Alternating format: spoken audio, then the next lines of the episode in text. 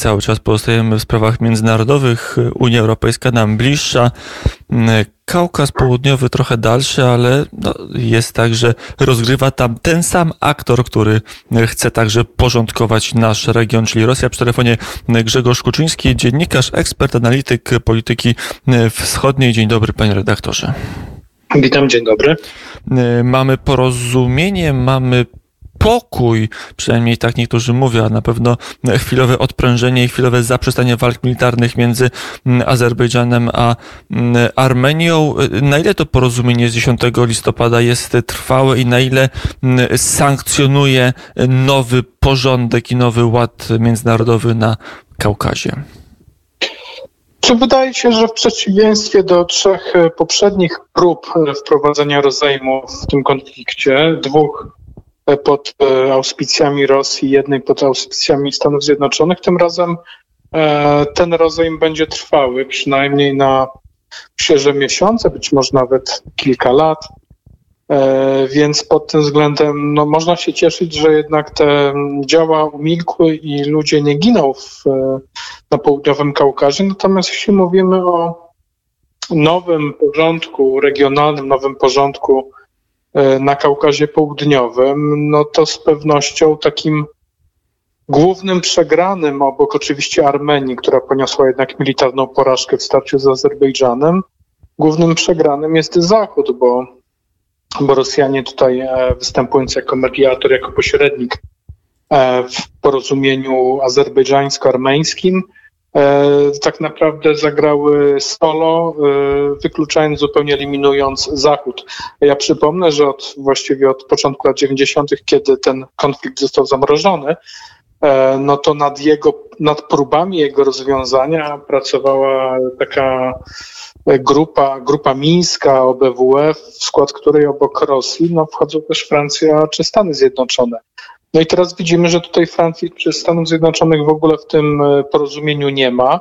Zachód został kompletnie wyeliminowany i tak naprawdę mamy tutaj do czynienia z porozumieniem pomiędzy Armenią, Azerbejdżanem, Rosją i w jakimś stopniu też Turcją, co pokazuje, że jednak znaczenie międzynarodowych organizacji w rodzaju OBWE czy ONZ mm, to już niezależnie od, od tego, o jakim regionie świata mówimy, no to jednak ono maleje i tak naprawdę tutaj realna polityka odgrywa główną rolę i ustalenia pomiędzy głównymi graczami no, na danym odcinku pomiędzy graczami, którzy dysponują zarówno siłą militarną, jak i E, no, taką siłą dyplomatyczną, siłą polityczną. Mm, to zaraz zanim zapytam, co to oznacza dla ładu światowego i co, co to nam mówi o mm, strukturze sił na mm, globalnej szachownicy, żeby użyć tego wyświechtanego porównania, to jeszcze chciałbym zapytać, na czym właściwie stanęło, bo przez chwilę także polskie media z reguły niesłychanie skoncentrowane tylko na tym, co się dzieje w Warszawie, ewentualnie w kilku innych miastach wojewódzkich, przez chwilę opowiadały, mówiły o o tym, co się dzieje na Kaukazie Południowym, jak wygląda walka i wojna mm, o Górski Karabach kto wygrał tą rywalizację na stan z dziś, czy kto może zaliczyć swoje zwycięstwo i, i jak obecnie wygląda sytuacja, także ta linia demarkacyjna, która rozdziela obydwie armie i azerbejdżańską i armeńską. Znaczy tak krótko i, powiedzmy tak po kolei.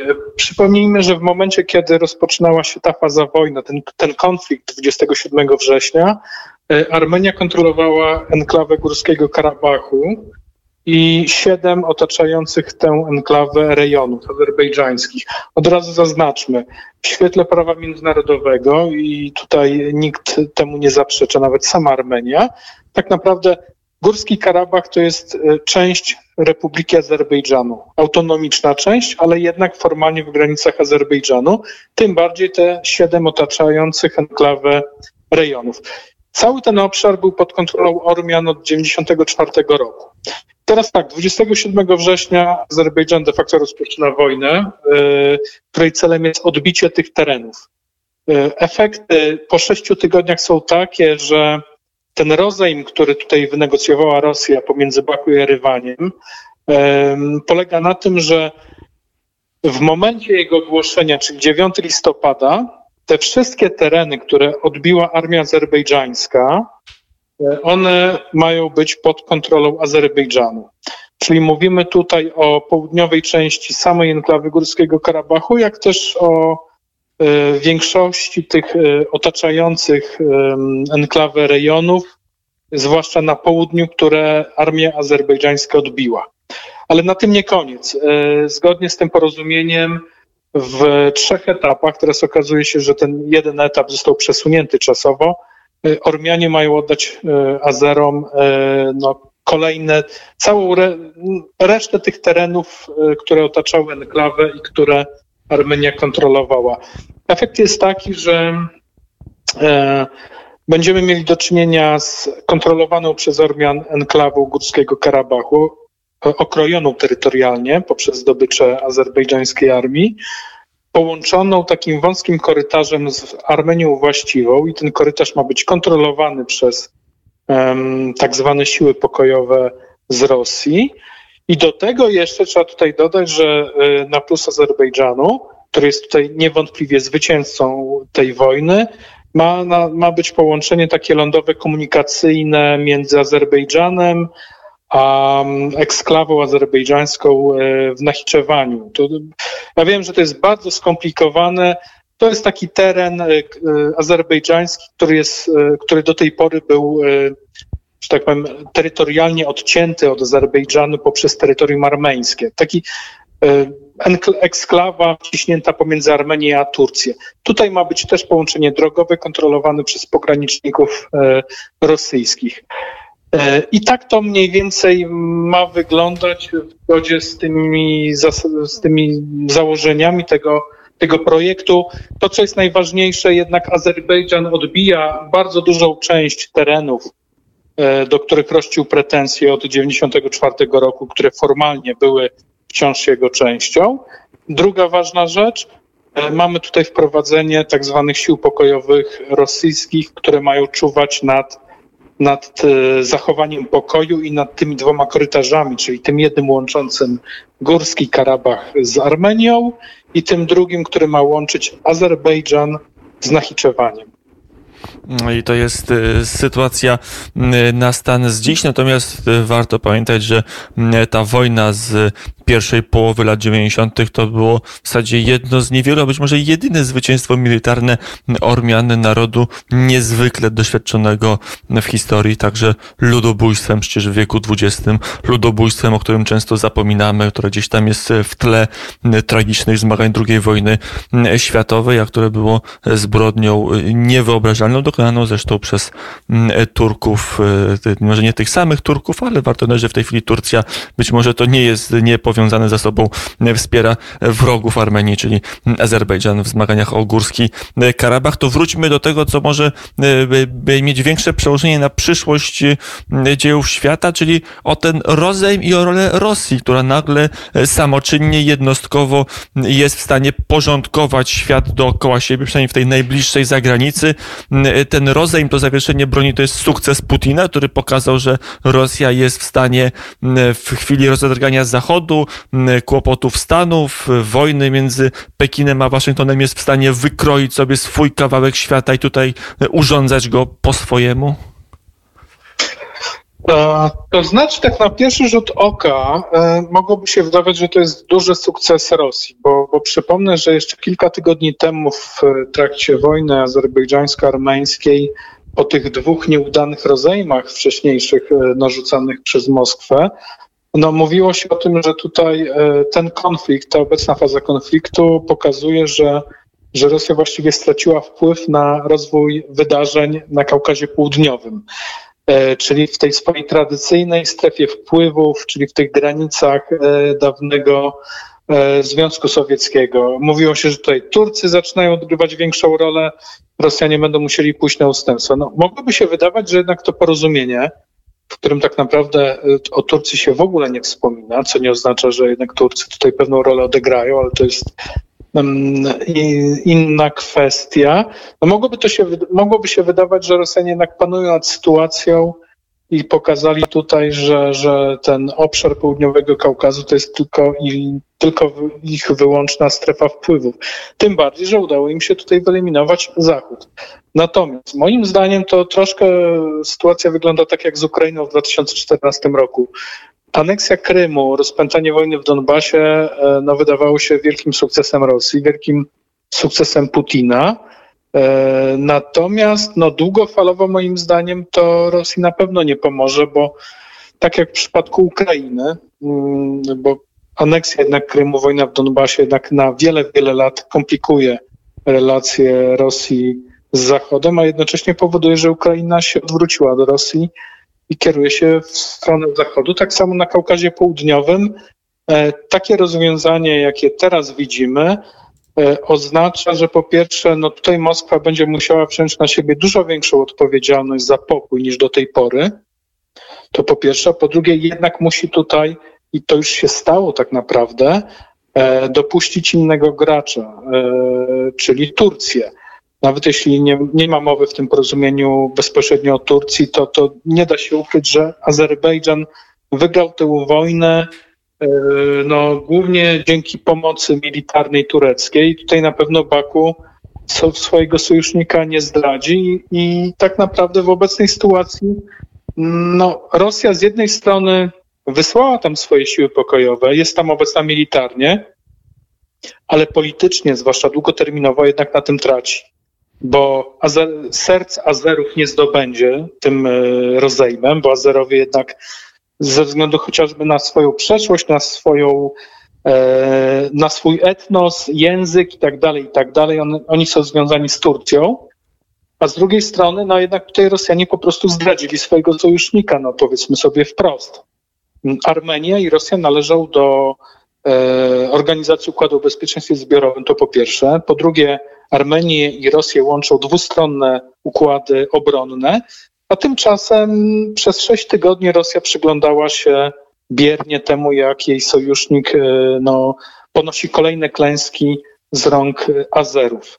Więc nawet jeśli teraz w Moskwie mogą się cieszyć, że, że, że tutaj wprowadzono ich siły pokojowe, żołnierzy w ten region, a Armenia, gdzie rządzi nielubiany na Kremlu Paszynian, jest osłabiona i tak naprawdę skazana na, na Rosję w tym momencie jednak, podkreślam, w tym momencie, bo nie wiem, jak się sytuacja rozwinie, to jednak długoterminowo to jest porażka Rosji, bo no jednak wszystkie kraje w e, tej przestrzeni postsowieckiej, wszystkie te kraje, które przez ostatnie ćwierć wieku, przez ostatnie trzy dekady orientowały się jednak na Moskwę jako takie naturalne centrum, e, nawet po upadku Związku Sowieckiego, no to one jednak widzą, że Rosja jest sojusznikiem wiarołomnym, E, który jest zdolny poświęcić swojego sojusznika dla własnych celów politycznych. I są, były takie dwa momenty, które moim zdaniem e, oznaczają upadek wpływów rosyjskich w tym byłym Związku Sowieckim. Pierwszy to był rok 2014, o którym wspominałem, kiedy Rosja dokonała zmian, takich faktycznych zmian w granicach, i to był też sygnał ostrzegawczy nawet dla sojuszników rosyjskich, że Rosjanie są dla własnych celów zdolni przesuwać granice w tym obszarze postsowieckim. Teraz mamy do czynienia z drugim takim krokiem, który już kompletnie niszczy ten prestiż Moskwy, prestiż Rosji jako takiego ośrodka, takiego ruskowomira na ty, w tej przestrzeni postsowieckiej, czyli mamy do czynienia ze zdradą sojusznika de facto. Mieliśmy sojusznika Armenię, natomiast Rosjanie tutaj zagrali oczywiście no, realistycznie, uznali, że Azerbejdżan jest tutaj może być ważniejszym partnerem i są e, z, z takiego rozwoju sytuacji, jaką mamy obecnie, większe korzyści mogą być dla Rosji niż gdyby miała się angażować w wojnę po stronie Armenii, ale to jest, to jest jeszcze raz powtórzę, wyraźny sygnał dla wszystkich krajów w jakimś stopniu związanych z Moskwą, że, że tutaj e, na sojusz, ten sojusz z Rosją jest, jest bardzo wątpliwy i Rosjanie w razie potrzeby są gotowi sprzedać swoich sprzymierzeńców. E, a Turcja, żebyśmy dopełnili obrazu zmagań między Armenią a Azerbejdżanem. Na ile Turcja formalnie jest siłą rozjemczą w tym sporze, powiedział pan przy, przy telefonie Waldemar Grzegorz Kuczyński, dziennikarz, ekspert od spraw wschodnich. Na ile pan, na ile Turcja teraz zastępuje trochę Stany, trochę Francję w, w, w ramach takiego mocarstwa, przynajmniej regionalnie, ale rozgrywa kwestie na Kaukazie Południowym? Znaczy na pewno, na pewno zastępuje tutaj kraje zachodnie w takim sensie militarnym. To, to, to niewątpliwie. Tutaj Amerykanie czy Francuzi nie są gotowi się oczywiście tego typu konflikty angażować, natomiast Turcy to zrobili. Nie mówię tutaj nawet o dostawach uzbrojenia, o dostawach dronów, ale chociażby obecności tureckich F-16 na lotniskach Azerbejdżanu podczas tego konfliktu. Oczywiście no, znajdą się krytycy tutaj po stronie Zachodu um, tego zwiększania wpływów tureckich w tym wypadku na Kaukazie Południowym, bo wcześniej mieliśmy do czynienia z taką bardzo ekspansywną polityką Ankary w Syrii, w Libii chociażby, we wschodniej części Morza Śródziemnego. Mm, różnie można to oceniać, natomiast ja bym zwrócił uwagę na, na inny aspekt. Akurat tutaj, w przypadku Kaukazu Południowego, interesy Turcji i interesy Unii Europejskiej oraz Stanów Zjednoczonych są zbieżne. Co mam na myśli? Mam na myśli korytarz energetyczny. Te wszystkie gazociągi, ropociągi e, biegnące z Azerbejdżanu poprzez Gruzję i Turcję do Europy. To jest bardzo ważne. To tutaj, e, tutaj Rosja jest po drugiej stronie barykady, natomiast e, wynik tej wojny oznacza tak naprawdę zmniejszenie ryzyka dla dostaw ropy gazu z, z basenu Morza Kaspijskiego do Europy, a jednocześnie e, otwiera możliwości poszerzenia tych, tego wydłużenia, powiedzmy, tego korytarza poza Morze Kaspijskie, czyli aż do Azji Środkowej. E, to nie jest przypadek, że akurat właśnie teraz też uruchomiono kolejny gazociąg e, łączący, wchodzący w skład tak zwanego południowego korytarza gazowego, e, czyli koncepcji forsowanej przez Zachód, przez Unię i przez Stany Zjednoczone od wielu lat, której celem e, są dostawy węglowodorów z basenu Morza Kaspijskiego mm, omijające Rosję, niezależne od Rosji i tak naprawdę przyczyniające się do dywersyfikacji importu węglowodorów do Europy. Więc pod tym względem niewątpliwie, niewątpliwie możemy mówić o, o, no, o dobrym rozwiązaniu, o tym, że tutaj akurat Turcja i Zachód w, grają e, po tej samej stronie. E, powiedział Grzegorz Kuciński, dziennikarz, analityk polityki wschodniej. Panie redaktorze, dziękuję bardzo za rozmowę. Dziękuję bardzo.